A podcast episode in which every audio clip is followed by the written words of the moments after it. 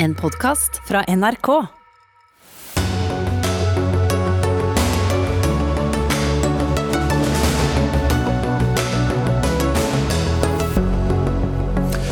Koronatiltakene i Norge er eh, ute av proporsjoner, mener overlege på Haukeland universitetssykehus. Det er alvor nå, svarer assisterende helsedirektør Espen Rostrup Nakstad. Regjeringen pøser på med ytterligere 17,7 milliarder kroner fra oljefondet til nye hjelpepakker, men verken småbedrifter eller opposisjon gir sin velsignelse. I morgen skal eh, Norge spille mot Israel på Ullevål stadion i et mer eller mindre nedstengt Oslo, noe VGs kommentator mener er ufattelig uansvarlig. Fotballforbundet forklarer avgjørelsen i Dagsnytt 18. Og er eh, kirkebenker fastmonterte seter, eller skal det defineres som eh, stoler? Det er et av de store spørsmålene i disse koronatider. Ja, da sier vi god kveld og velkommen til eh, tirsdagens Dagsnytt 18. Jeg heter Espen Aas. Og der skal vi også møte to naturlige fiender som har slått seg sammen til vern om pensjonistenes inntekter, nemlig FrPs Siv Jensen og SVs Audun Lysbakken. Men vi starter som vi ofte gjør med koronasituasjonen. For ved midnatt så fulgte Oslo etter Bergen og innførte det som omtales som en sosial nedstengning, der de fleste arenaer hvor folk møtes, ikke lenger er åpne. En rekke kommuner rundt Oslo har gjort akkurat det samme, og de nasjonale smitteverntiltakene har trådt i kraft. Men den koronapolitikken som føres nå er uforståelig for mange av oss, ikke minst helsepersonell. Ja, det skrev du, Halvor Ness, overlege ved nevrologisk avdeling på Haukeland universitetssykehus, i et debattinnlegg i Bergens Tidende. Du mener rett og slett at regjeringen her har skapt en fryktkultur du aldri har eh, opplevd før. Og Halvor Ness, eh, hvordan har dagen vært etter at innlegget sto på trykk? Ja, først vil jeg få lov til å poengtere at jeg har uttrykt meg som privatperson. Det er ikke Haukeland sykehus uh, sitt syn som er nedfelt i det jeg skrev i Bergens Tidende. Det er mitt inntrykk av korona epidemien fra den startet og fram til, da, til, i dag. Og Når det gjelder eh, hvordan denne dagen har vært, så har den vært eh, spesiell. Kanskje mer spesiell enn jeg hadde, enn jeg hadde ventet. Fordi media har virkelig vist stor interesse, og jeg har fått mange meldinger og e-poster fra fjern og nær med syn på hva jeg har skrevet. Mm. Og, og, La oss gå inn på det da konkret, eh, Ness. Burde vi ikke frykte denne pandemien eller epidemien i så stor grad som det vi gjør? Nei, Det som gjør at jeg mener at det er skapt en for stor frykt for denne epidemien, det er at når vi ser på tallene fra vitenskapelige artikler, så er dødeligheten for å bli smittet av koronaviruset lav for friske. Den er høyere for eh, sårbare personer, men den er lav for friske, på linje mer eller mindre med influensa Eh, infeksjoner. Det er det ene. Eh, det andre det er at antallet som faktisk eh, er i samfunnet og har fått påvist smitte i dag, er relativt lavt. Dette har jeg jo fulgt siden mars, og det var jo en stigning i mars som flatet ut igjen på vårparten, og så var det lavt i sommer, og så har det steget noe igjen nå i det senere. Og Grunnen til at jeg skrev dette i går, det, eller at dette ble publisert i går, det er at eh, jeg sjøl har en erfaring fra en influensaepidemi for 20 år siden som var voldsom. Med tall som er langt utenfor det som eh, vi ser i dag. Og Derfor syns jeg ord som alvorlig er å overdrive vesentlig når jeg sammenligner med det som jeg opplevde den gangen som ansvarlig overlege. Men Hvorfor er det sammenlignbart eh, med en influensaepidemi fra, fra 20 år siden og, og denne verdensomspennende pandemien? Kan du gjenta spørsmålet? Hvorfor er de to hendelsene sammenlignbare, altså en influensaepidemi fra 20 år tilbake og en verdensomspennende pandemi i dag? Eh, for, eh, fordi de er relativt like når jeg leser dødelighetstall, i hvert fall for friske folk. Og når jeg ser på eh, det tallet vi var borti her på, i Bergen i 2000, så var det altså det av en helt annen størrelsesklasse. Jeg kan ikke forstå annet enn at det må bety noe i vurderingen. I hvert fall så har det stor innflytelse på hvordan jeg vurderer tallene i dag i forhold til det som jeg faktisk opplevde i sin tid. Mm. At, at, denne koronaepidemien også rammer resten av verden, har for så vidt liten betydning der, for influensa også sprer seg over hele verden. Mm. Da skal vi til eh, en mann vi gjerne ser med en bekymret rynke. Assisterende helsedirektør Espen Rostrup Nakstad, du er jo også lege. Sprer vi frykt? Jeg tror ikke vi gjør det. Men det er klart eh, folk er engstelige nå. Og det kan man si har, eh, har flere effekter. Vi ønsker at folk skal ta dette alvorlig.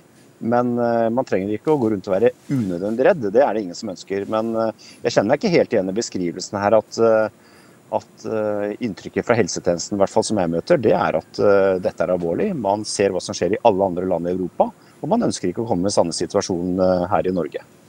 Men at 104 personer i hele Norge er innlagt med covid-19 i dag, er vel ganske langt unna å sprenge noen kapasitet på, på sykehus, Nakstad?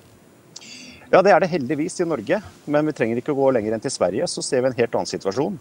Der hadde de 60 økning i innleggelser forrige uke fra et allerede høyt nivå. Eh, og tar vi et land som eh, Belgia, da, som har vært eh, debattert også i kronikken tror jeg, som ble skrevet i dag, så er det klart at når 5% av befolkningen er registrert smittet, men det dør 200 personer hver dag, og sykehusene må be syke leger og sykepleiere gå på jobb, det er klart, Da er man i en veldig uheldig situasjon. og Den som tror det ikke får konsekvenser for andre pasienter, eller for driften av helsetjenesten for alle de som ikke har koronavirus, de tror jeg må ta seg et studieopphold eh, ved et annet sykehus utenfor Norges grenser. For det er helt opplagt at det får store konsekvenser. Mm, svar på det, Ness. Ja, Det siste, at uh, koronasituasjonen og innleggelse på sykehus har innflytelse på andre pasienter når de faktisk ligger inne, det er sant. Men vi har jo sett fra andre land, særlig i vår, at uh, sykehus uh, sto i stor grad tomme. Ikke tomme, men var i hvert fall hadde god plass fordi antall pasienter som ble innlagt med korona var langt lavere enn det man fryktet. Og man tok ikke inn pasienter til kreftutredning og andre behandlinger. Vi opplevde her i, i Bergen at antallet hjerneslagpasienter gikk ned med 40% og Vi vet jo at dødeligheten ved hjerneslag den første måneden er, er bortimot 10% Hva som skjedde med disse 40 som ikke ble lagt inn på sykehuset i Bergen i vår, det vet jeg ikke. Men det, men det har også konsekvenser for helsen her i landet. Mm. Men, men, bare for å spørre deg da konkret, eh, Ness, altså Hva ville vært en riktigere uh, strategi fra både helsemyndighetene uh, og, og, og, regjeringens uh, side? Altså, jeg mener at sånn som en del profilerte epidemiologer og viruseksperter i verden har sagt at denne epidemien burde få spre seg blant de friske, de som ikke dør av denne sykdommen, og som kommer seg, slik at immuniteten sprer seg, og at man samtidig Eh, beskytter de sårbare, slik at de i størst mulig grad unngår å få sykdommen. Jeg vet jeg hører at eh, politikere sier at det ikke lar seg gjøre å beskytte de sårbare, men da står vi foran to scenarioer. Enten at eh, infeksjonen sprer seg relativt raskt med beskyttelse av de sårbare, eller at den går veldig langsomt, og hvor man må beskytte de sårbare likevel i løpet av den tiden. Hva som til slutt fører til at sårbare dør, ja det vet ikke jeg. Mm. Nei, altså, Jeg kan være enig i én ting, og det er at uh, den eh, nedstengningen av aktivitet som skjedde ved mange sykehus i Europa, som jeg i hvert fall har fulgt med på i mars-april, uh, den var jo basert på scenarioer som var mer dramatiske enn det som faktisk skjedde mange steder, i hvert fall for Norges del. Sånn at Det har man lært mye av, og jeg tror man kan behandle flere pasienter nå uten å trekke ned planlagt aktivitet i like stor grad ved en eventuell bølge nummer to. Men samtidig så ser vi i alle land, også i Norge, at uh, dette er veldig ressurskrevende pasienter.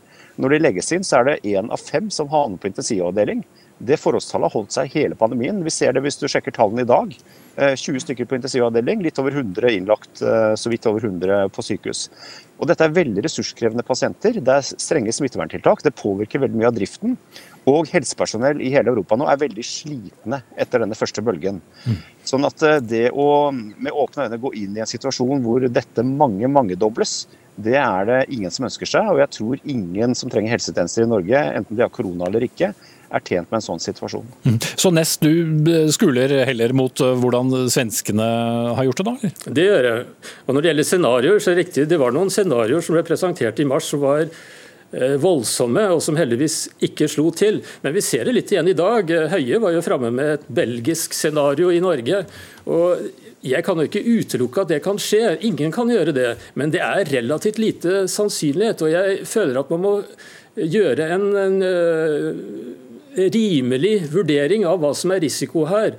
Og også se på hva som er prisen, kostnadene Eh, for resten av samfunnet. Vi helsepersonell er jo ikke spesielt gode til å vurdere konkurser og økonomiske nedturer. Og hva dette betyr for eh, befolkningen ellers, hva det betyr for utdanningen, for barn eller ungdom som står foran kanskje arbeidsledighet. Det er alvorlige eh, konsekvenser av disse nedstengningene. Men jeg må også få lov til å si at i Norge har det ikke vært så ille, hvis jeg skal bruke det ordet, som det har vært i mange andre land. Heldigvis. Jeg må si at myndighetene her i forhold til mange land har vært relativt fornuftige, synes, selv om jeg syns de går for langt. Mm. Ok, Da må vi sette strek. Takk til eh, Halvornes, overlege ved nevrologisk avdeling på Haukeland universitetssykehus, men altså som understreket eh, i starten av debatten at du uttaler deg på privat eh, grunnlag, og også assisterende, eller som privatperson. da, Og takk til også assisterende helsedirektør Espen Rostrup Nakstad.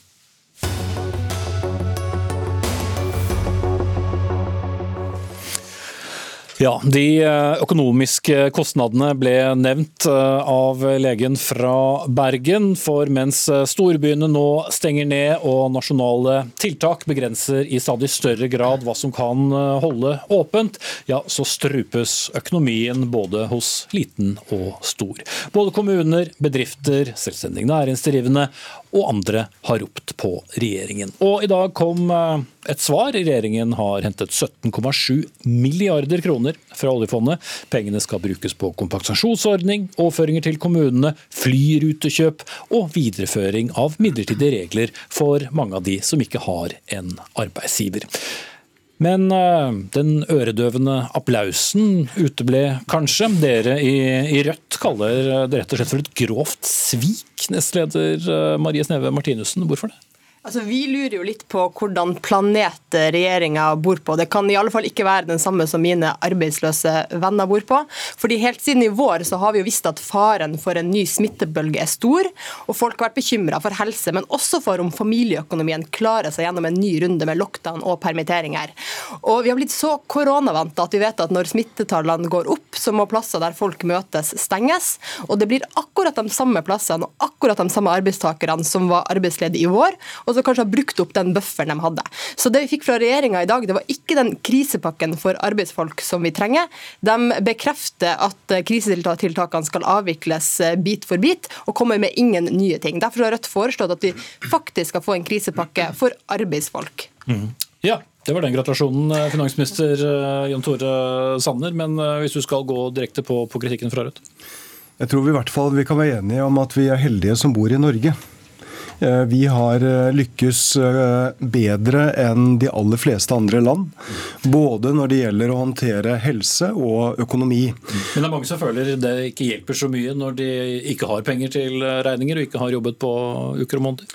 Nei, og jeg skjønner den, den fortvilelsen. Og det er jo også bakgrunnen for at regjeringen stiller opp.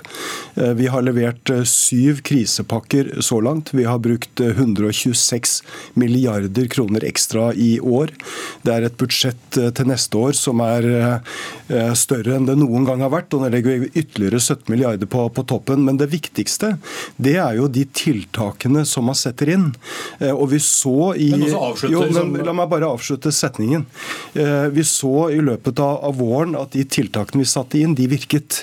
Arbeidsledigheten, den registrerte ledigheten, var over 300 000 på et tidspunkt.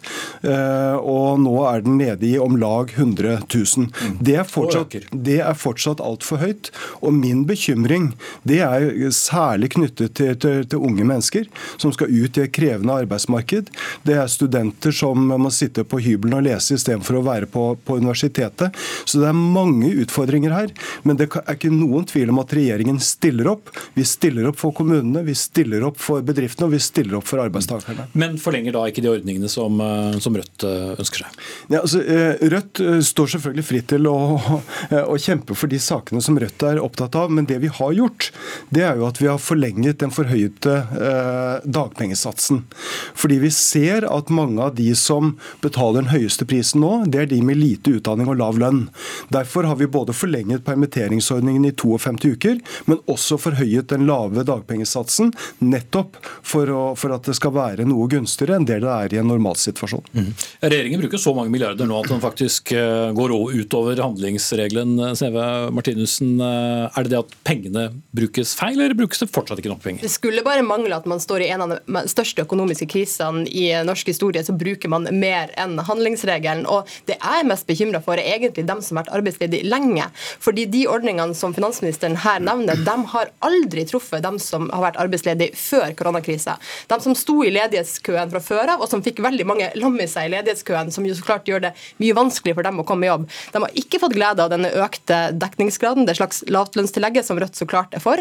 Den har de ikke fått eh, nytte av i et halvt år. Og det kanskje mest, aller mest alvorlige er at den 1. november, for altså ti dager siden, så slutta den midlertidige forlenginga av dagpengeordninga. Det betyr at for hver dag fra 1. november fram til i dag framover, så kommer folk til å dette ut av dagpengeordninga. Det er i en situasjon der arbeidsledigheten er så høyt at de som har vært arbeidsledige lenge, kan ikke forventes å få jobb noe lettere nå enn de gjorde f.eks. For, for ett år siden. Dem er jeg alvorlig bekymra for. Sanne. Ja, det, det, det, er jeg enig i, men, men det aller viktigste vi kan gjøre, og som vi gjør, det er å trygge jobbene. Eh, for den, det, det, som virkelig skaper forskjeller og ulikhet, det er når folk mister jobben. Eh, så Derfor er de tiltakene vi iverksetter for trygge jobber for å, for å, sikre bedriftene, det er det aller viktigste. Det andre som jeg også har lyst til å, å, trekke frem, som jeg mener er utrolig viktig, det er at vi nå lar de som går på dagpenger, enten de er permitterte eller ledige, få lov til å ta utdanning ved siden av. Eh, at man kan bruke tiden positivt, styrke kompetansen, slik at når arbeidsmarkedet blir bedre igjen, eh, at man da kan eh, stå styrket på arbeidslivet fordi man har fått mer utdanning. Det trenger bedriftene våre, og det vil også hjelpe den enkelte. Mm. Men dere tror sikkert eh, penger i, i, det, i, det, løpet. Eh, Olaf Thommessen, administrerende direktør i mm, SMB. Eh, dere er jo blant de som også har ropt mange ganger på, på regjeringen. Men er dere fornøyde i dag, da? Ehm, vi er jo ikke fornøyd med situasjonen. Ehm, det er det ingen som er. Nei, men, men, det er viktig å ha med, fordi vi har vært i flere runder med regjeringen de siste ukene hvor ting har endret seg nesten fra dag til dag. Ehm, og bare i forrige uke så vi, sto vi bak en ny kompensasjonsordning for reiselivet, som hadde endret seg bare på den uken. Og nå står vi i en ny situasjon det vi har sagt, eh, både til, direkte til regjeringen og som jeg gjerne gjentar nå, det er at nå står vi i en situasjon som er lik den som var 12.3 i fjor. Det er det våre medlemmer og små og mellomstore bedrifter eh, rapporterer. Og Når du snakker om arbeidsfolk, så vil jeg også da legge til i den gruppen de som driver hverdagsnæringsliv, de som driver de små og minste bedriftene. Så vi hadde nok selvfølgelig ønsket oss en ordning som var likere den ordningen som kom i våres, nemlig med 80% kompensasjonsgrad, og 100 til de som faktisk er eh, omfattet av yrkesforbud, som treningssentre og for så vidt en del utesteder osv., eh, i hvert fall lokalt eh, nedstengte. Ja, men også rent konkret At regjeringen da dekker opp det de har av utgifter, eh, av tap? I faste kostnader. Eh, og I tillegg til at de faste kostnadene burde omhandle lønn til nøkkelpersonell, slik at man kan holde en viss drift gående eh, mens man holdt på å si, venter på at dette skal gå over, for det kommer jo til å gå over. Og Da er det et poeng å ha en drift gående, slik at man står best mulig rustet til hva skal jeg si, til markedet kommer tilbake. Mm, men hvem er nøkkelpersoner? Daglige ledere? Ja, det er jo litt avhengig av eh, fra virksomhet til virksomhet. Eh, enkelte steder kan det være daglig leder, andre ganger kan det være butikkansatt. Det, det, det, det får man vurdere. Mm. Men ville det vært en ordning som var, ville vært mulig å, å gjennomføre? sånn? Vi hadde jo en kompensasjonsordning som vi fikk på plass i, i mars, eh, som varte ut, eh, ut august. Eh, den ordningen som kom på plass nå, er romsligere enn den forrige var i, i sommer og begynnelsen av, begynnelsen av høsten. Noe av poenget her er at ordningen må være enkel. For jo mer komplisert man gjør en slik ordning, jo vanskeligere er det for de som skal utbetale penger. Jeg tror det er viktig for bedriftene nå å vite at har du et omsetningsfall på, på 30% så kommer du inn i eh, ordningen, eh, og da får du en kompensasjon. Og Jeg har i dag sjekket opp eh, hvordan det er i Danmark og Sverige, som jo er i kanskje enda verre stilt enn oss nå. I Sverige så har de nå forlenget sin egen ordning frem til oktober i år. Vi forlenger den til februar neste år og sier at vi planlegger for et lengre løp hvis det er nødvendig. Og i Danmark så er det kun for reiseliv og, og varemesser. Så jeg, jeg, skjønner veldig godt det Olaf sier, og vi har hatt tett og god dialog med både LO, Virke, NHO og SMB Norge. Og vi forsøker å lytte til alle rådene, men til slutt så må vi også finne en ordning som kan stå seg, og som faktisk kan gjennomføres. Mm. Dere kan ikke betale for at alle skal holdes uh ja, kunstig i live uh, økonomisk? Ja, altså, det er sånn at, uh, Bare for å si hvordan vi tenker, da, så må de økonomiske virkemidlene og helsetiltakene virke sammen. Når vi nå har strenge smitteverntiltak, så er det riktig å kompensere fordi at eh, da eh, skal du begrense også aktivitet. Men når økonomien tar seg opp igjen, vi åpner opp samfunnet, så må vi gå over fra kompensasjon til mer å stimulere aktivitet og omstilling og, og nyskaping. For det er ikke sunt for noen bedrifter eh, å få kompensasjon for, for lenge. Og jeg ser jo mange bedrifter som sier at nei, vi vil ikke ha kompensasjon fordi at vi skal klare oss i markedet, vi må omstille oss. Og bedriftene er ulike, og de møter forskjellige utfordringer. og Derfor så er det også et, en serie av ulike tiltak vi stiller stiller opp med. Og, og kort slutt, uh, Thommessen.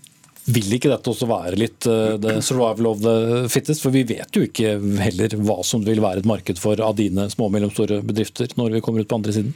Når den dagen måtte komme? Eh, nei, Det kan man jo aldri vite. Men det som er kjennetegnet de små og mellomstore bedriftene i Norge, er at det er hverdagsnæringslivet. og det er Noe denne krisen har vist oss, så er det viktigheten av det hverdagsnæringslivet. Det er butikken på hjørnet, det er det mekaniske eh, verkstedet eh, i lokalmiljøet. Og Det er der 90% av sysselsettingen ligger, og det er der to av tre nye arbeidsplasser kommer. Så at markedet for hverdagsnæringslivet kommer til å være der etter dette, det er helt sikkert. Og Da er det viktig for oss å sørge for at de aller fleste kan bli, stå igjennom denne krisen. Mm. Ok, jeg setter trekk der. 17,7 milliarder kroner. For et år siden ville vi tenkt mye mer på hvor mye penger det faktisk er. I koronakrisen er det annerledes. Sagt til Jan Tore Sanner, finansminister fra Høyre, Marie Sneve Martinussen, nestleder for partiet Rødt, og Olaf Thommessen, administreringsdirektør i SMB.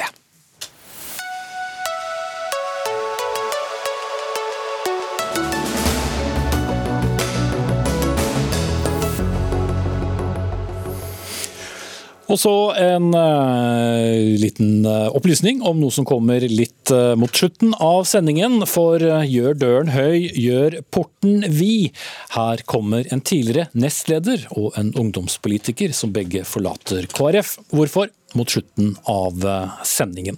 Nå skal det handle om eh, sport, men også stadig om eh, korona. For i morgen så blåses treningskampen mellom det israelske og det norske fotballandslaget i gang.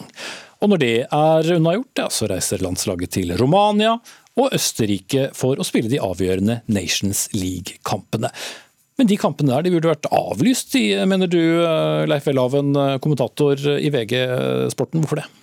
Altså, det er noe umusikalsk over å gjennomføre en haug med treningskamper med minimal sportslig betydning på et tidspunkt der den andre bølgen av koronaen skyller innover Europa og fører til altså, innstramminger både her og der. Og også kampen hvor, et, Israel, som ligger utenfor Schengen, skal spille altså, på et Ullevål stadion som ligger i en sosialt nedstengt by, hvor folk altså, inviteres til en dugnad uh, igjen, som er ganske inngripende i folks liv. Men altså, fotballspillere skal altså da reise på kryss og tvers av Europa for å spille kamper som knapt betyr noe som helst. Og bare på onsdagen så er det altså 20 kamper bare i Europa, altså 40 40 land med spillere spredd altså, utover en haug med land som altså, skal reise hit og dit og ta en risiko som er helt fullstendig uansvarlig, og som sender altså, et verdimessig svært betenkelig eh, signal, og som får meg til å spørre om altså, idretten lever i en boble og mangler rett og slett altså, virkelighetsanskuelse om at de er en del av samfunnet rundt seg. Mm. Sin egen sosiale boble, kanskje. Eh, stiller spørsmålet videre til deg, jeg er generalsekretær i, i Norges Fotballforbund, eh, Pål Bjerktvedt. I, I mange byer, enten det er hovedstaden eller andre steder, så kan man ikke gå på, på treningssenter. Man kan ikke engang få seg et glass øl. Men, men fotballen, den må rulle. Hvorfor det? Ja, først vil jeg si at eh, Vi har eh, også forståelse for den debatten og den bekymringen som, eh, som uttrykkes nå, i takt med at smitten øker i Norge. Men treningskampene må til? Vi, er, vi, er, vi, har respekt for at situasjonen er som den er. Men situasjonen er ikke så veldig mye annerledes nå enn det var for noen måneder siden.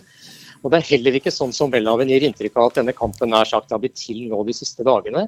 Situasjonen er vel ganske annerledes, siden man stenger ned såpass mye i Norges eh, største byer og omkringende kommuner? I forhold til gjennomføring av landskamper og den protokollen som vi følger, så er situasjonen omtrent den samme. Er, denne kampen er eh, en del av de landskampene som eh, skal spilles i løpet av denne høsten. Vi har, vi, vi har kjent til denne kampen helt fra ja, august-september. Dette er eh, en kamp vi må spille, den er obligatorisk. og Det er ikke direkte en treningskamp, men den er rett og slett en del av Nations League-strukturen i, eh, i eh, Uefa. Ja, men bare for å snu på da, Leif Elhaven. Det er vel ingen smittefare som sådan om folk som spiller og trener sammen uansett reiser rundt og, og spiller? Det er, det er, selve det signalet og prinsippet som, som du hauser opp over? Altså, det har da vært fulgt en smittevernprotokoll som er streng, og uh, veldig mange kamper går, går veldig bra. Men altså, det er f.eks. et faktum at uh, Israel, en av Israels beste spillere altså, nå ikke kommer til å kunne spille uh, på Ullevål i morgen fordi han har testet positivt på covid-19. En annen spiller som har vært en nærkontakt, det samme. Mm, og sitter i isolasjon i Oslo. Ja, to andre spillere kunne vært i samme, Hvis jeg skjønte det riktig, så er det to andre spillere som også kunne vært i samme situasjon, men de har allerede allerede hatt korona, så da har de fått fritak. Og det som kanskje er vel så relevant her, altså hvis vi går videre til senere i november, når vi da altså skal møte Østerrike i en kamp som faktisk betyr noe, så er altså Østerrike, hvis jeg har forstått det riktig, altså uten tre spillere. Eh, og da begynner det faktisk å få en sportslig relevans. Og internasjonalt så viser det også at fotballen er ikke immun, og flere av de største navnene, altså Ronaldo, Zlatan Neymar eh, osv. har eh, fått påvist korona. Den danske troppen som nå, møte, som nå, skal møte, Sverige i en tid mens altså, mink slaktes for fote av frykt for et mutert virus, er det nå sendt hjem ytterligere en, altså, en spiller eh, og en leder. Altså, spørsmålet mitt er jo tilbake disse kampene kunne enkelt vært droppet. og Hvis Uefa ikke tar et samfunnsansvar, så kunne NFF hatt en nydelig mulighet til å skåre store omdømmemessige poeng på at man faktisk setter helse foran penger. Eh, men, eh, men dessverre altså, så skal men, altså, en treningskamp gjennomføres uansett. Nå skal Bjerkvedt uh, få svare. Er, er, det penger foran helse?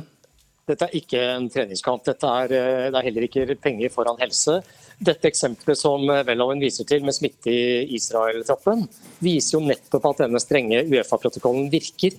Spilleren blir satt i karantene, det blir også andre som har vært med han, og kampen kan, kan gjennomføres. Tilsvarende til, eh, situasjoner har vi hatt eh, i andre kamper rundt i Europa i disse månedene. Det er lite smitte i internasjonale kamper. Det har spilt rundt 500 internasjonale kamper i Uefa-regi siden september. Og det er få smittetilfeller i forhold til så mange kamper. Mm. Men signaleffekten her da, Bjerkerud, er den uh, så god? Det er altså så mange som er rapportert. Ikke kan de reise, ikke kan de besøke familie, ingenting. Men fotballspillere de må få reise. Ja, som jeg sa innledningsvis, jeg forstår at denne debatten dukker opp spesielt i en situasjon som vi er nå. Men vi har jo igjen bevist at det er fullt mulig å gjennomføre aktivitet innenfor de reglene og restriksjonene som gjelder.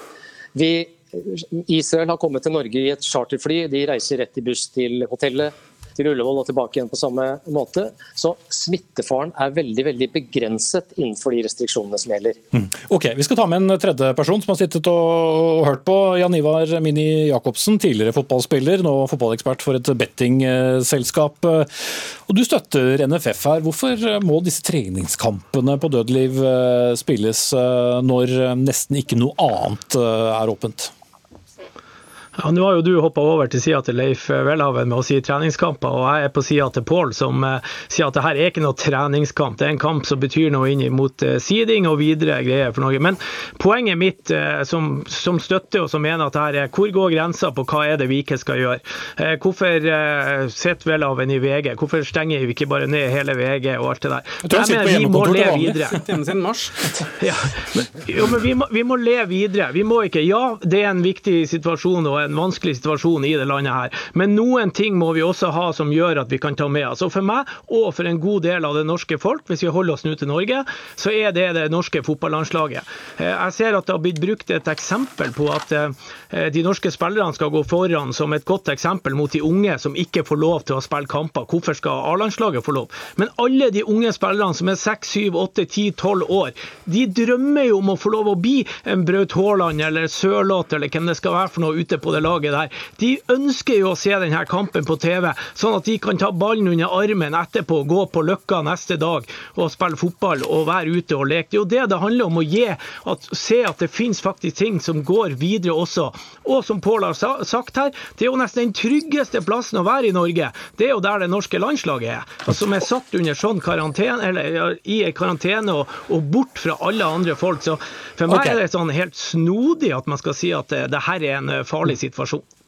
Altså det store problemet, altså slik jeg ser det, er at altså toppidretten har fått Eh, tildelt en altså en skjør tillit fra storsamfunnet.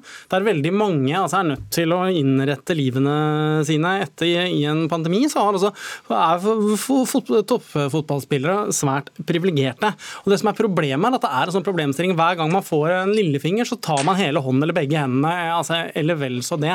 Her hadde man altså, altså, hatt muligheten til å konsentrere seg om de kampene altså, som virkelig betyr noe, men man skal ha mer og mer og mer. og mer. Så kan vi gjerne kverulere frem og tilbake om det er en treningskamp eller ikke, men det er i hvert fall åpenbart at det deles ikke ut noen poeng på Ullevål. Og så kan vi snakke om sidingnivåer osv. Men dette er, en, dette er en match med marginal sportslig betydning. Og til det Mini sier, så er det også relevant at det er jo ikke sånn at hele befolkningen er, er, frykt, er fryktelig idrettsinteressert. Og en ganske høy andel av befolkningen som ikke, ikke kunne bry seg mindre om hva som foregår på Ullevål stadion. Jeg tror nok at en del av den ekstremt selvsentrerte oppfatning i deler av fotballen vil være ganske provoserende overfor folk som lever med helt eh, andre restriksjoner. Mm. Kanskje andre veien, eh, Jacobsen? Men, men, eh, ja, men det er, jo, det er, jo, ikke noe tvil om at fotball er noe av det som engasjerer det norske folket mest. Ja, jeg er helt enig, Det blir nok neppe fem millioner seere eh, på kampen, men det er en greie som det er den største særidretten i Norge, og som de fleste unger ser opp til sine idoler. Så Å ta bort eh, den viktigheten der, det syns jeg blir eh, litt rart. Mm. Spørs om de ser like mye opp hvis alle havner i karantene etterpå. Vi får se hvordan det går. Takk til Jan Iver Jacobsen, tidligere fotballspiller. Leif Welhaven, kommentator i VG, og Pål Bjerkvedt, generalsekretær i Norges Fotballforbund.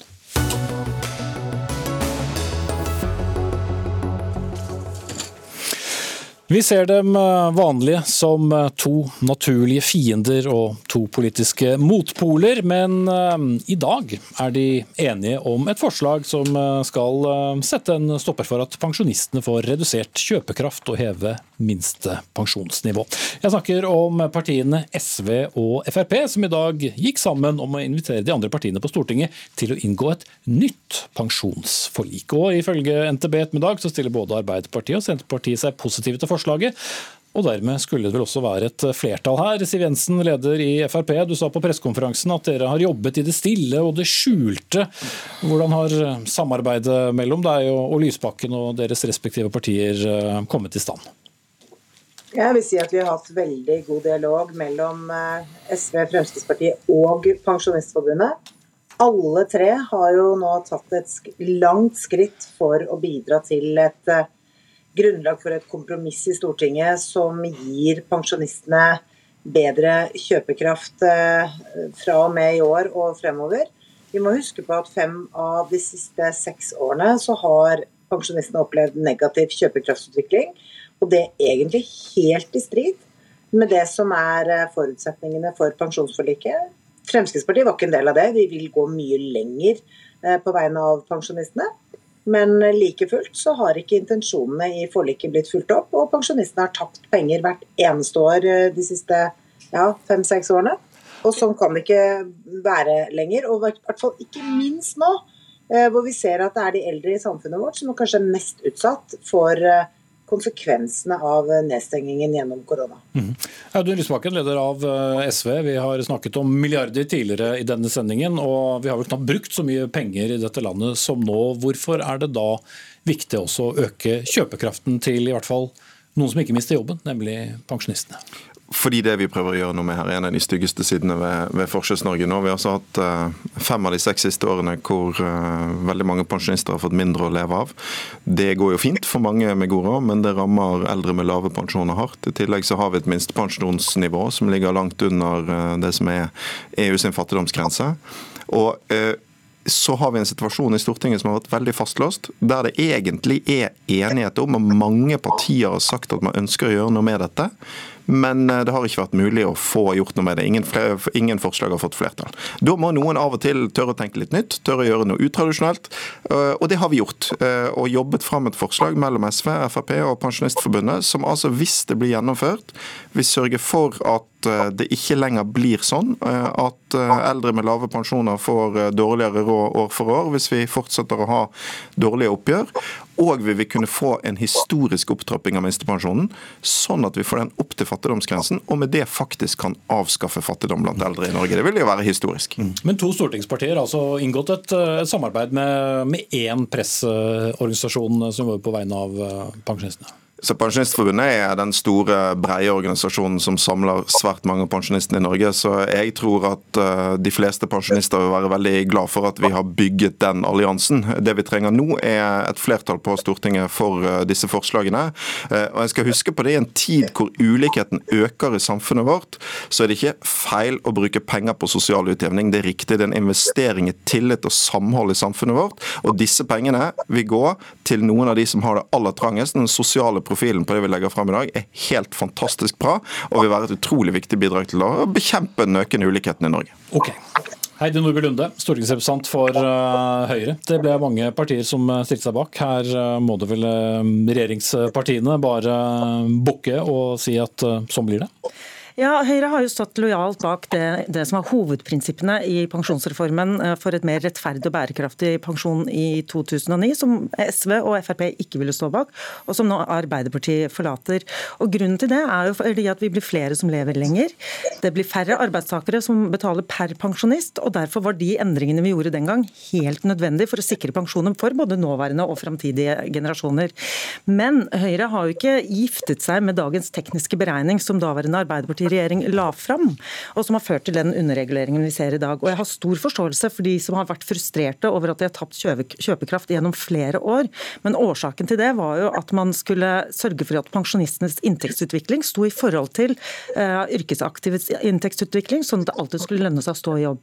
Og Det betyr jo bl.a. at etter oljekrisen i 2014-15, hvor 50 000 mennesker mistet jobbene sine, så mente vi at det er mer rimelig at arbeidstakerne får ta del i lønnsutviklingen utviklingen, mens pensjonistene underreguleres sånn at det lønner seg å stå i arbeid. Mm. Siv Jensen, eh, hvem skal få mindre for at pensjonistene skal få mer, da? Jeg syns vel kanskje at eh, Heidi Nordby Lunde blir litt skoleflink der hun eh, sitter nå. Statsminister Erna Solberg sa i et replikkordskifte med meg i Stortinget bare for få uker siden at eh, pensjonsforliket som eh, intensjonen var, ikke engang har blitt fulgt opp. Så de partiene som da sluttet seg til den reformen, må jo det minste klare å levere på det i forhold til at kjøpe, altså kjøpekraften til pensjonistene blir ivaretatt. Og det er faktisk ikke verre enn det vi foreslår nå. Langt unna det Fremskrittspartiet egentlig ønsker seg. Vi ønsker jo å fjerne hele underreguleringen, men det er det ikke nærheten av å være flertall på på Stortinget. Så hvis det er sånn at statsministeren mente det hun sa i Stortinget i oktober, om at uh, intensjonene i pensjonsforliket ikke er ivaretatt, ja da bør de være med på dette og sørge for at man får en eh, kjøpekraftsutvikling også for pensjonistene okay. Eh, når lønnsmottakerne får det. Så jeg må si at jeg, jeg, jeg, jeg ser at Nordby Lunde åpenbart har laget seg noen fraser som hun har studert til, men spørsmålet er vil de være med på en diskusjon om et forlik som sikrer pensjonistene det de har krav på i forhold til pensjonsforliket, eller vil de det ikke? Eh, ja, eh, Du vil sikkert svare på det, men jeg får spørre deg, da, Lysbakken, siden Jensen ikke svarte på det. Hvor skal pengene komme fra? Hvem skal eh, betale, eller få mindre for at pensjonister skal få mer? Men altså, Det å trekke opp den motsetningen, særlig fra Høyre, som altså har hatt råd til milliarder på milliarder av eh, skattekutt ikke ja, sant? Spørsmål egentlig jo, ja, men, jo, men altså, sant? Altså, Du kan godt sette eh, fattige eldre opp mot arbeidsløse, men jeg velger heller å sette de gruppene som har minst i dette samfunnet, opp mot de som har mest, som Heidi Nordby Lunde stadig har veldig god råd til. Og så så må vi bare tilbake til dette med, med pensjonsreformen. for SV står også utenfor den. Men det kan jo ikke være sånn at bærekraften i pensjonssystemet skal sikres gjennom at de som fra før har dårligst råd, skal bære den tyngste byrden. Og det tror jeg faktisk ikke var noen av de som sto bak reformen sin intensjon heller. Det har aldri vært meningen at de eldre skulle få mindre kjøpekraft år for år. Og når det da skjer, da må jo Stortinget gripe inn. Det handler om å hindre altså at at folk mister helt troen på at vi kan se de menneskene som trenger det mest, og handle. For dette har aldri vært meningen. Og så er det heller ikke i strid med pensjonssystemet å øke minstepensjonen. Det er tvert imot med på å ta, ta, vare på det vi kaller den sosiale bærekraften i systemet. Da må Heidi Nordby Lunde få snakke, som er én eh, mot to her. Ja, og Jeg er jo helt enig med, med, Lysbakken at det var aldri meningen at minstepensjonistene skulle komme dårligere ut. Det var faktisk en av forutsetningene for pensjonsforliket at man skulle gjøre det bedre for kvinner. Det skulle alltid lønne seg å jobbe, og at det skulle bli færre minstepensjonister over tid. og Det har vi også sett. Da er det bra å endre det, da. Så har jeg lyst til å, eh, ja, men over, eh, De siste syv årene sammen med Frp i regjering så har vi gjort mange grep for å løfte de som sto svakest blant eh, pensjonistene. Ganger, tre ganger har vi løftet eh, de som har minst fra før. Vi har vært med på å øke grunnpensjon for gifte og, og samboende. Og vi har også gitt skatteletter som har kommet pensjonistene til gode. Så det er ikke bare den eh, kjøpekraftutviklingen vi har sett i henhold til reguleringen. De fleste har faktisk fått bedre kjøpekraft. Men de forlot hele oppgjøret ville ikke skrive under på det. Så de var jo, eller i hvert fall Jan Davidsen som da var her i studio, ville jo ikke godta det som lå på bordet. Ja, nå skal vi huske på at Pensjonsforbundet er en av flere som vi snakker med i, i de tekniske forhandlingene rundt eh, beregningsgrunnlaget for å lage nye pensjoner, eller for å finne, finne fram til. De andre ønsker jo ikke forhandlingsrett, og Pensjonsforbundet eh, representerer ikke alles interesser i denne saken. Mm, eller Pensjonistforbundet, til og med. Ja. Pensjonistforbundet, og Jeg er litt overraska over egentlig at eh, Fremskrittspartiet har lyst til å gi de vetorett på vegne av de andre organisasjonene som vi har hatt dialog med under denne, denne regjeringen. Mm. Men, det er jo, ja, Jensen, det er jo, ja, men dette er jo bare tull. Vi ønsker jo at pensjonistorganisasjonene skal komme til forhandlingsbordet. Så kan vi godt diskutere det med Høyre og andre partier på Stortinget. Hvilke pensjonistorganisasjoner som skal få lov å gjøre det. Poenget her er jo om man prinsipielt mener at en eh, gruppe mennesker i samfunnet som utgjør over 1 million, rundt en million mennesker, skal få lov å sette seg ned og ha synspunkter i den offentlige debatten, eller om de ikke skal det. Og Det er jo det som er problemet. Nå er de avskåret fra å ha en reell forhandlingsmulighet. Eh, og jeg syns de skal få det. Jeg syns også de skal få lov å være med i det tekniske beregningsutvalget, som eh, det, det blir veldig teknisk, men det betyr faktisk noe for eh, også de, disse organisasjonene. Men det aller viktigste er jo at mens vi venter på dette utvalget som nå skal evaluere pensjonsreformen, ja, så må vi få på plass en midlertidig regulering basert på prinsippene fra pensjonsreformen i 2011 som gjør at vi, altså, sørger for at vi gjør opp den uretten som har blitt begått. Okay. Ved at man år etter år etter år har sett negativ kjøpekraft. Det betyr jo at pensjonene til folk blir mindre verdt enn de burde vært.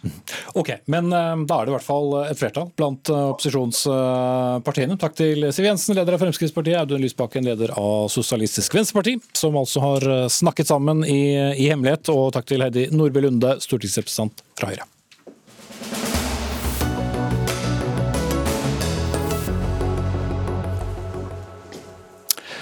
Hva er en eh, fastmontert benk, og hva er en eh, stol? Ja, dette spørsmålet har blitt stilt eh, flere ganger i det siste, ikke minst i spaltene i Vårt Land, men også flere steder. For kirkebenkene det, det er ikke fastmonterte seter, uansett hvor store og tunge de måtte være. og Derfor så kan man heller ikke ha mer enn 50 personer på besøk. Men hva er det altså som skal definere hva som er fastmontert og ikke? Det holder nemlig ikke om noe er fastmontert i gulvet, eller hva? Erik Hillestad, leder av Kirkelig kulturverksted og Kulturkirken Jakob i, i, hovedstaden. Eh, dere trodde dere skulle ta imot eh, publikummere på 200-tallet. Nå blir det 50. Men eh, har du nå lært deg hva som er fastmontert og ikke? Nei, Dette forundrer meg veldig. Altså. Det, det, var jo en fantastisk ordning med denne stimuleringsordningen, som jo ble en slags, ble fremstilt som en redning for julekonsertene. Og folk har jo kjøpt billetter i strie strømmer og, og regnet med at vi kunne få en flott julesesong med disse smitteverntiltakene allikevel intakt. da. Men når nå kirkene forskjellsbehandles i forhold til andre kulturinstitusjoner, så blir jo denne, smitt, denne stimuleringsordningen redusert, strupet med ca. 75 altså Det blir på en måte som å trykke på gasspedalen og bremsen samtidig. Eh, fordi da hele hensikten med stimuleringsordningen i forhold til publikum blir jo ganske så begrenset. Mm. Og, og, Litt av paradokset for en del da, i alle fall, er jo at da kirkebenker ikke regnes som, som, fastmonterte seter, som er kriteriet for å kunne ha 200 eh, publikummere. Eh, så dere får da bare lov til å ha 50. Og Kristin Ørmen Johnsen fra Høyre, du er leder av familie- og kulturkomiteen på, på Stortinget. Hvorfor er ikke kirkebenker fastmonterte når de faktisk sitter fast? Jo, kirkebenker er eh, fastmonterte, men det er forskjell på en benk og en stol. Eh, dette er jo egentlig et smittevernsfaglig smittevernfaglig og helsefaglig spørsmål.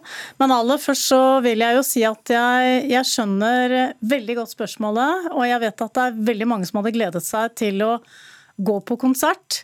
Uh, og jeg skjønner at det er en stor skuffelse. Uh, men ja, for, for, Hvorfor klarer man ikke å få 200 personer til å holde avstand inne i, i en kirke, som velger å gå på en, eh, en kirkekonsert eller en uh, julekonsert? Jeg kan jo se for meg noen andre arenaer som er litt mer villstyrlige enn en dette publikummet. Ja, det kan du, kan du, si. Eh, men vi har jo også fotballstadioner. Du er jo kun 600 personer som kan være utendørs, og fotballstadioner utendørs tar jo vel eh, godt over 20 000 eh, mennesker og vel så det. Men tilbake til dette med stol og benk, som vi egentlig er inne på. Det er jo Helsedepartementet som har kommet med det helsefaglige rådet. De har også stilt spørsmålet nå til Folkehelseinstituttet og Helsedirektoratet og bedt om en forklaring og en avklaring på dette. Og Da har både Folkehelseinstituttet og Helsedirektoratet svart veldig tydelig. Og De har sagt at uh, en benk er som sagt en benk. Der kan folk skli inntil hverandre. Altså Det er vanskeligere er da Eh, deres mening eh, om at man ikke kan holde den avstanden som man kan holde på en fastmontert stol, for der sitter man fast i den.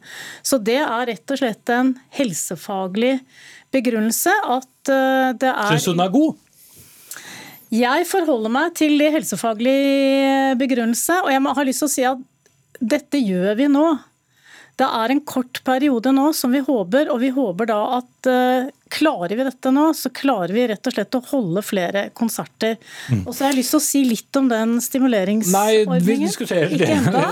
Ja, den har vi snakket om mange ganger, men det er jo hele dette problemet. For du snakker om en, en periode, Ørmen Johnsen, det er jo helt riktig, men det er jo den viktigste perioden i hele år når det gjelder eh, inntekter fra konserter i, i kirker. Eh, Elsa. Så, og hvordan skal dere løse det praktisk til alle altså Dere har solgt billetter til 200 og 200, og så er det altså bare en firedel som får lov å komme inn? Ja, det blir, det blir, pengene tilbake igjen. Og folk må finne seg i en fattigere julesesong. Og det rare er at vi sitter altså i Vi, vi forstår veldig godt uh, ideen med faste plasser, og vi har vært utrolig flinke både i kultursektoren og i kirkene mm.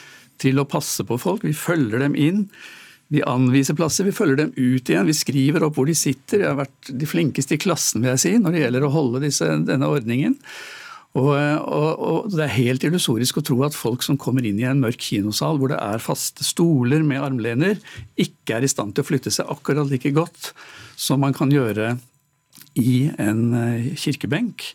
Man skulle nesten tro de tenkte at vi var noen slags reptile vesener som skled sammen inni disse Eller fryktelig skjeve benker i, Nei, i, i kirken. Men jeg, altså, det er noe med at en stol så kan du holde en avstand, og du er helt sikker på det. På en kirkebenk så er det smitte. Er det smittefaglige argumentet, og jeg er den første til å si det at både kultur- og eh, utelivsbransjen har vært kjempegode til å overholde reglene når du først sitter fast. Kjempeflinke, det skal de ha all kred Mm. for. Og så snakker du om penger, og da må jeg bare si at du sier med den stimuleringsordningen, men så er det nå da lagt inn mer penger. og Departementet vurderer også, selvfølgelig vil man nå få et tap, for du har planlagt for 200, og det er bare 50 som kan komme. Så det er 150 billetter i tap du har. Men departementet vil jo nå hele tiden se på treffer ordningene. Vi vet at det blir eh, smittebegrensningene kommer, og derfor så har man jo en buffer i departementet. Det er jo satt av 70 millioner, og det er nettopp det at man skal se på hvordan vil dette slå ut. Så Sånn sett så er vi jo ikke ferdig med det økonomiske oppgjøret i gåsehudene. Helt til slutt. Men det er allikevel litt rart når du tenker på Hvis du ser for deg Prinsen kino i eh, Trondheim, hvor det kan være 500 mennesker inne til enhver tid fordelt på åtte forskjellige kinosaler, som deler samme foajé, og vi er relativt mye trangere lokale enn Nidarosdomen, som er eh, rett over gata, hvor det bare kan være 50. Og det er en ganske kraftig illustrasjon, riktignok ekstrem, av hva som Fordi kirkene er nemlig noe av de flotteste lokalene når det gjelder smittevern. fordi de, de har så store, så store inngangspartier, de har store midtganger, de har masse muligheter for å holde avstand. Mye mer Ja, jeg, jeg vet jeg må, jeg må er jo sette strek der, beklager. Ja, og, det har vi nevnt. Eh, Jeg vet ikke om det er flåste, men eh, skal jeg si at dere skal ha en stor takk for at dere kom, begge to. Erik Hillestad, dagleder av Kirkelig Jeg får si jeg og- satt på benken, jeg da. Ja, ikke sant? Og Kristin Ørmen Johnsen fra Høyre, leder av familie- og kulturkomiteen.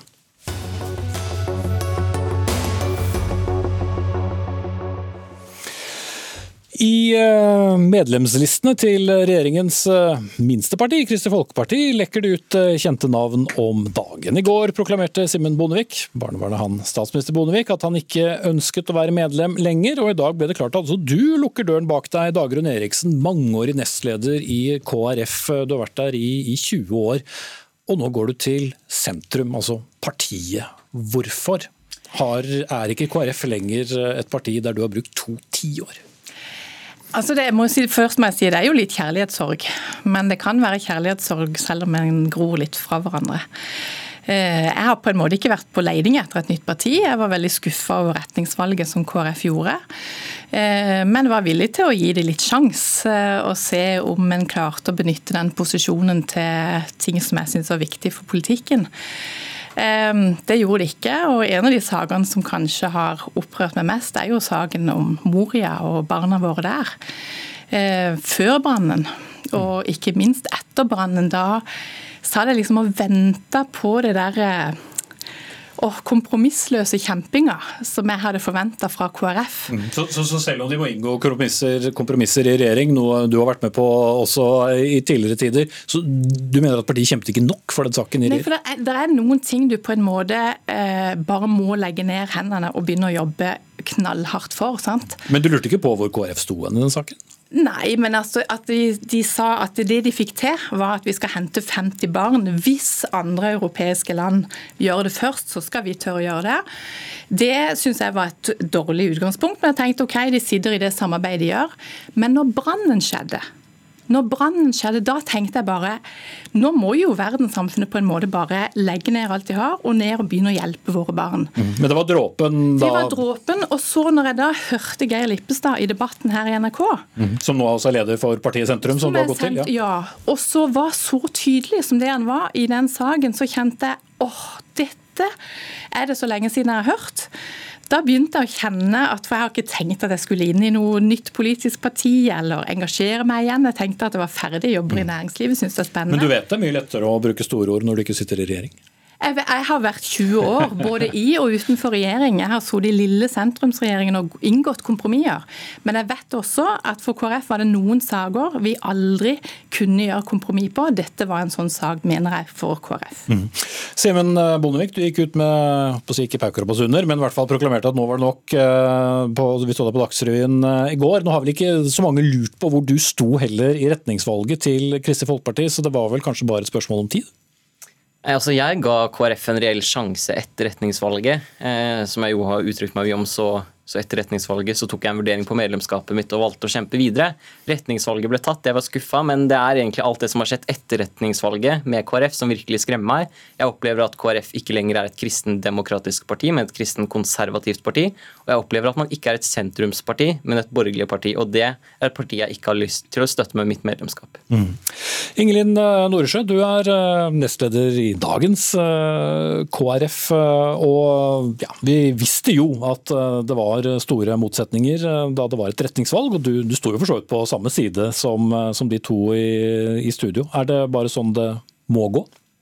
Vi har jo helt klart kommet til forskjellige konklusjoner. og jeg må jo si at Det er både litt trist og litt rart å sitte her sammen med dere og vite at eh, personer som har stått sentralt i KrF, har funnet ut at KrF ikke er partiet for dem lenger. Men jeg vil jo si at KrF er fremdeles et kristendemokratisk parti. Jeg er fremdeles kristendemokrat. Og jeg syns det er så synd, Dagrun, at ikke du så i øynene til Kjell Ingolf Ropstad hvordan han kjempa for barna i Moria. For det gjorde han. Men vi satt i et samarbeid samarbeid der det var eh, krevende forhandlinger, men vår partileder var kompromissløs der. Og Så kan det hende at vi burde kanskje ha eh, utbasunert dette på en sterkere måte, men vi fikk et resultat som ikke hadde kommet til uten KrF i regjering. Og Nå skal vi hente 50 barn, vi er i gang med det. De kommer snart. og Det betyr at vi har betydd en forskjell i Moria-saken.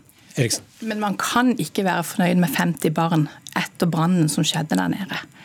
Eh, og jeg forstår at det kjennes trist. Jeg syns også det er trist å på en måte skulle definere seg utenfor. Jeg hadde KrF-dagrunn som min heading i sosiale medier i alle. Det har vært en stor del av min identitet.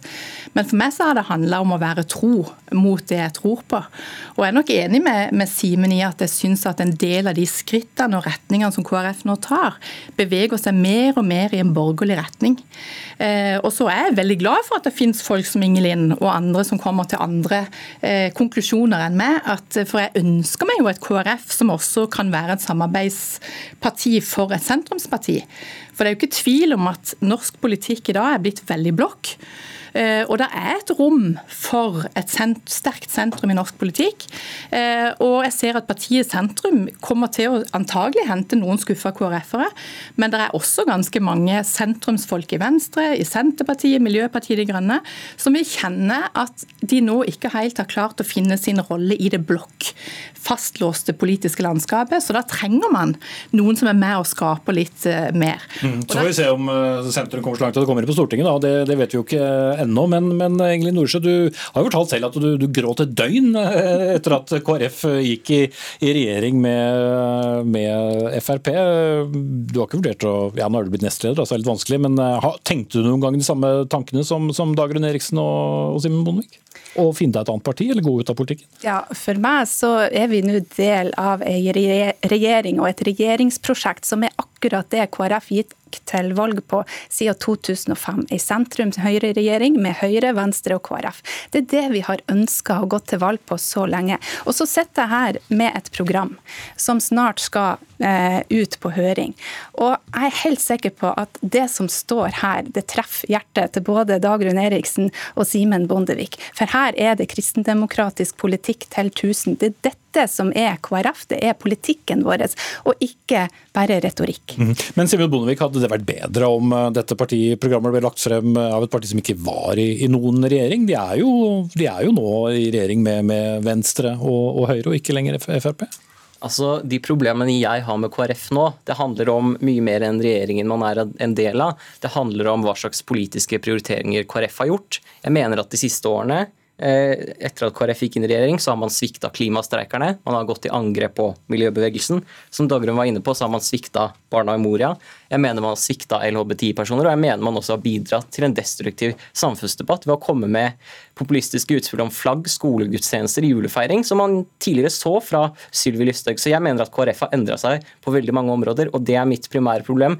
KrF fører nå en politikk og et politisk prosjekt som jeg ikke kan støtte lenger, fordi det er kristenkonservativt og borgerlig, og det var ikke det jeg meldte meg inn Skal du bli med Dagrun Eriksen inn i sentrum, eller skal du finne på noe helt annet som ikke har med politikk å gjøre? Jeg melder meg ut av KrF fordi jeg er misfornøyd med det KrF har blitt, men mitt politiske engasjement nå er like stort som det alltid har vært. Jeg ønsker meg en offensiv klimapolitikk, en raus og human innvandrings- og asylpolitikk, og at vi bekjemper fattigdom i Norge og internasjonalt. Det har alltid vært det viktigste for meg. Høres ut som du kan passe inn i NBG, da. Så opplever jeg at eh, dagens KrF ikke prioriterer de sakene, derfor melder jeg meg ut av KrF. Ingen fare for at du snur, eh, Eriksen. Du må være veldig kort til slutt. Nei, det er det nok ikke. Eh, Jeg kjenner at det prosjektet Sentrum har om eh, å få et inkluderingssamfunn for alle som står utenfor, knallhard jobbing for Moria-barn, og ikke minst også gi papirløse rettigheter til arbeid. Problemet til KrF Nei, det har du ikke tid til. Det får Det dere ta på utsiden. For jeg skal nemlig si det jeg pleier å si på dette tidspunktet. Takk skal dere ha for at dere kom. Dagrun Eriksen, Simen Bondevik og Ingelin Nordsjø. Dag Dørum var ansvarlig for sendingen. Jeg heter Espen Aas. Teknisk ansvarlig hadde Stein Nybakke.